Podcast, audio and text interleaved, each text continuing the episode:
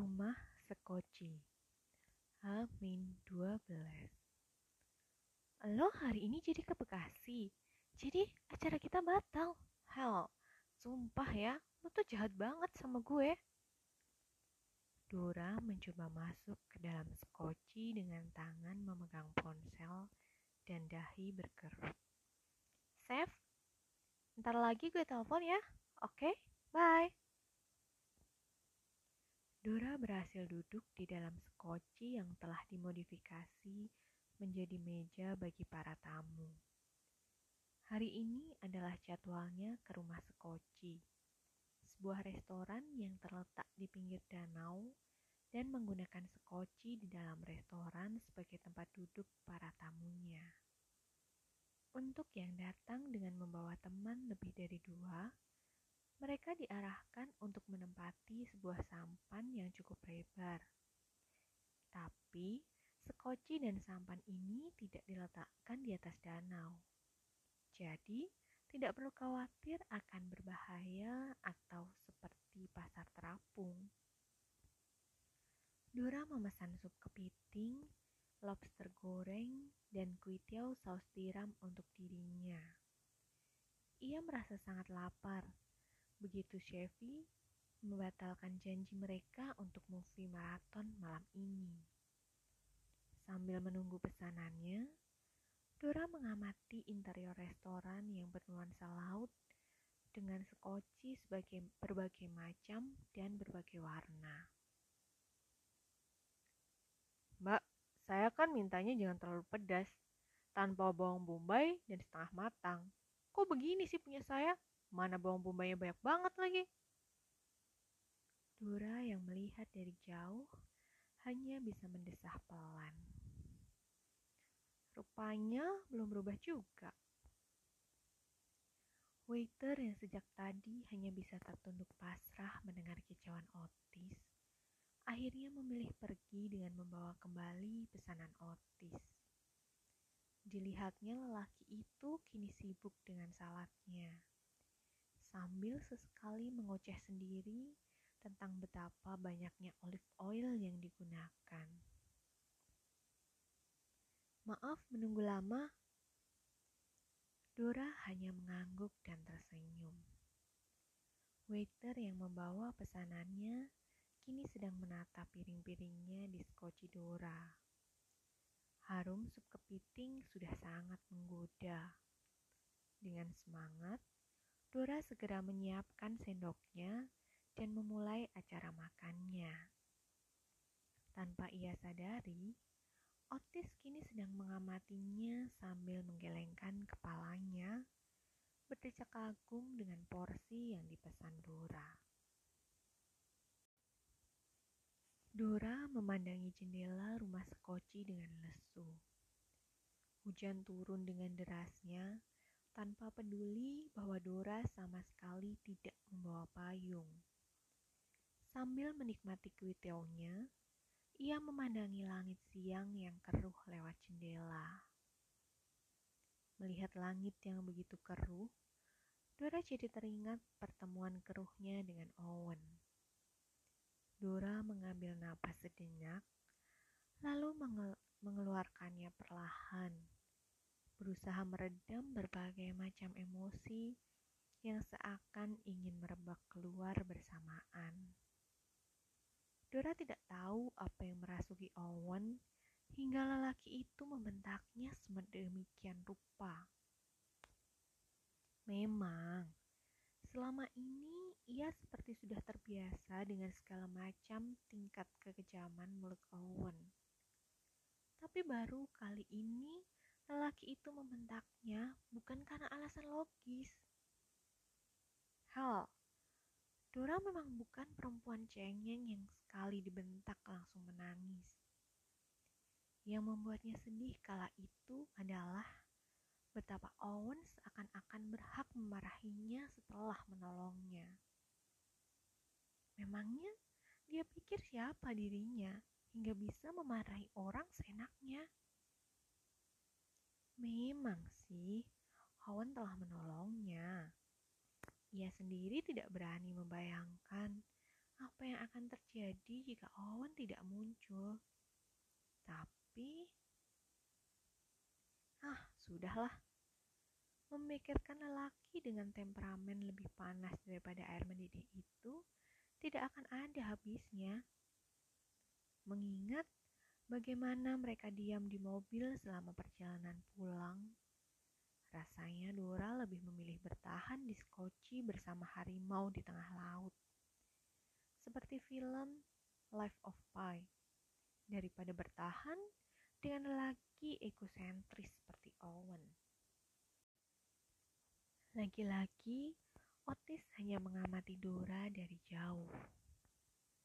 Entahlah bagaimana reaksi kakeknya jika mengetahui bagaimana Otis menjalani jadwalnya bertemu Dora. Sambil menyeruput ais aloe veranya yang sejak tadi ia protes karena terlalu banyak ice cup, Otis memerhatikan Dora yang mulai hilang di balik pintu rumah Skoci. Entah apa yang membuat tampang gadis itu kusut dan lebih banyak melamun hari ini.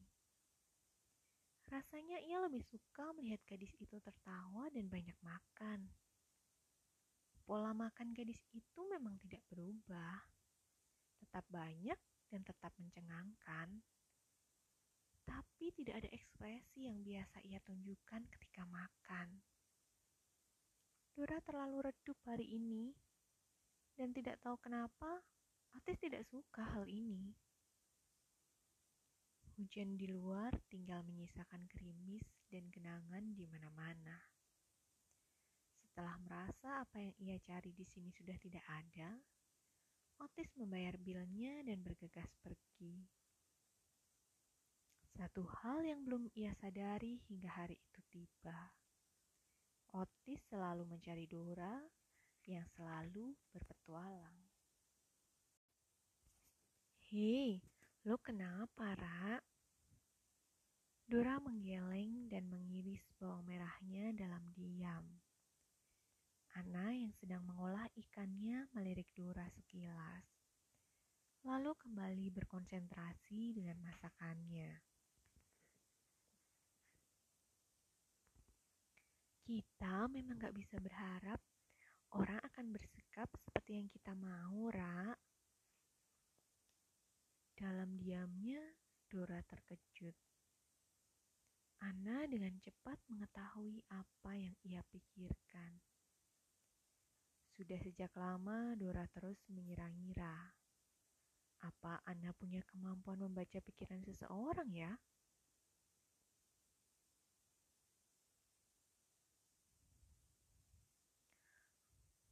Gak usah baca pikiran lo. Gue juga tahu lo kenapa uring-uringan gini. Tuh kan? Tapi setidaknya ia merasa senang-senang saja karena ketika gelisah seperti ini, ia tidak harus menceritakan semua cerita dengan komplit. Ana akan mengerti tanpa mendengar cerita-cerita Dora yang terkadang memalukan dan ia ingin simpan sendiri. Dora melanjutkan memotong cabai. Seenggaknya, An, bisa kali dia behave nggak lepas kendali di saat yang nggak tepat. Out of control. Dia out of control karena lo. Nggak tahu deh. Dora memotong cabenya dengan sedikit geram. Dia tuh terlalu sering out of control. Please, seseorang kayaknya udah ngilangin remote control emosi cowok itu deh. Please, Dora. Ana tergelak hingga nyaris menjatuhkan ikan yang sedang dibumbuinya. Masa sih separah itu? Lo gak bisa ketawa kayak gitu kalau lo udah ketemu langsung sama orangnya. Dora kini sudah menuang bumbunya dan menumisnya hingga harumnya memenuhi dapur. Hari ini mereka memang menghabiskan waktu berdua dengan memasak sembari menunggu Noel pulang. Mbak Nia sedang sibuk merapikan rumah hingga akhirnya ia pasrah saja majikannya mengambil alih dapur. Seketika ingatannya melayang ketika Owen memasak silk egg di rumahnya. Benar-benar sosok yang berbeda dengan sosok yang menolongnya beberapa hari yang lalu. Dora mengerang kesal. Hah, kenapa lelaki lebih rumit dari kelihatannya? Hamin 10 Dylan benar-benar tidak habis pikir bagaimana kakeknya menaruh jadwalnya untuk bertemu Dora di tempat seperti ini. Dylan memandang ngeri ke sebuah bangunan berwarna cotton candy dengan patung setinggi orang dewasa berbentuk semut yang sedang tersenyum. Seperti semut pekerja di film Ants yang berdiri tepat di samping pintu masuk. Sarang semut. Semoga ia tidak salah masuk sarang. Dylan mengembuskan nafasnya sembari masuk ke dalam sarang semut. Kafe yang menawarkan makanan dan minuman dominan gula. Dilihatnya Dora yang sedang mengantre di kantor Captain Candy bersama dengan beberapa orang remaja dan orang tua yang bersama dengan anaknya. Beberapa kantor counter lainnya seperti lollipop, es tebu, marshmallow, gummy candy, dan masih banyak lagi juga tidak sepi pengunjung. Kafe ini memang menyediakan berbagai macam jenis makanan yang bisa menyebabkan sakit gigi dengan sistem konter. Pengunjung perlu mengantre di counter tertentu sesuai selera masing-masing. Dan setelah itu, bebas mau duduk di dalam kafe, di taman kafe, atau dibawa pulang. Dylan memutuskan untuk menghampiri Dora yang masih menunggu seorang remaja di depannya. Hai. Eh? Dora menengok dan mendapati Dylan kini berdiri di sampingnya. Hei, Gak nyangka lo ada di sini. Dilan meringis. Kebetulan lagi pengen es tebu.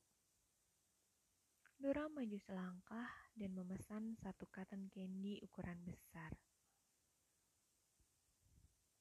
Udah beli es tebunya? Tanyanya pada Dilan. Sekilas dilihatnya, Dilan tidak membawa apa pun. Dilan pun menggeleng. Belum. Mau nunggu sebentar dan kita ngobrol di taman kafe? Boleh, pesen dulu aja. Cotton candy gue masih agak lama. Jelas lama, lo mesen yang seukuran batita.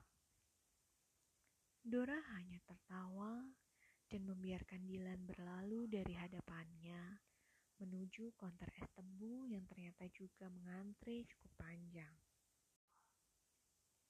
Dora sangat menyukai sarang semut, dan ia berjanji akan menetapkan sarang semut sebagai tempat wajib bagi Chevy dan dirinya untuk hangout. Masa bodoh dengan sakit gigi. Sarang semut benar-benar manis. Dinikmatinya es tebu miliknya dengan perlahan. Manis alami yang diperoleh langsung dari tebu mengaliri tenggorokannya dengan mulus membuatnya ketagihan dan membuat mental note agar membelinya untuk Noel. Sepertinya minuman ini cocok untuk membuat kakaknya rileks setelah jadwal kuliahnya hari ini yang begitu padat. Angin sepoi sore itu membelai rambut Bob Dora yang kini mulai panjang, nyaris menyentuh bahu. Di taman sarang semut ini lumayan ramai, terutama ketika banyaknya anak-anak yang bermain bersama sambil menikmati lollipop mereka yang warna-warni itu. Dylan mengambil marshmallow yang diletakkan di antara dirinya dengan Dora. So, how's your life? So, how's your life? Tanya Dylan dengan gestur casual dan tenangnya seperti biasa.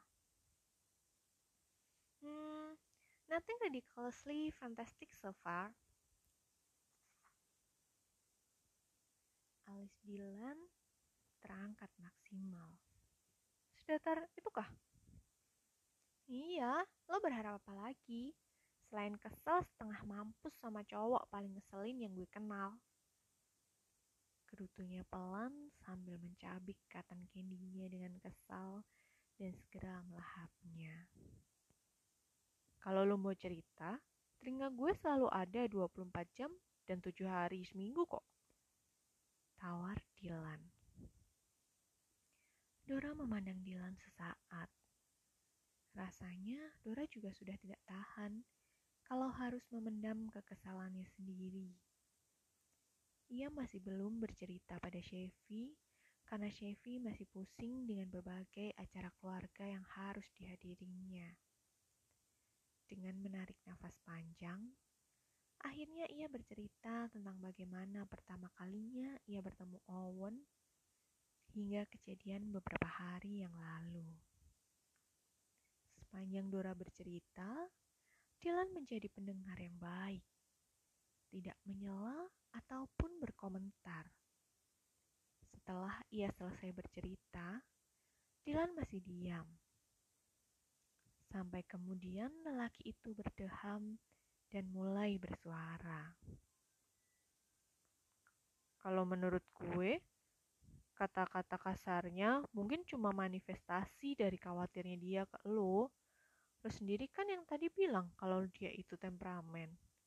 Menurut pengamatan gue, orang yang temperamen itu emang agak berbeda dalam menunjukin ekspresinya, terutama ketakutan dan kekhawatirannya. Masa sih? Dora menatap Dilan bingung. Otaknya kembali mengingat kejadian itu. Buat apa dia khawatir sama gue? Gue bukan siapa-siapa kok. Mungkin karena dia jatuh cinta sama lo. Jawaban Dilan benar-benar telak dan tanpa bisa Dora kendalikan. Rona merah sudah menjalar di wajahnya. Hal itu jelas tidak luput dari perhatian Dilan. Diam-diam Dilan tersenyum selama Dora berusaha melupakan kata-katanya dengan terus mengoceh tentang betapa manisnya cotton candy dan cuaca cerah sore hari ini.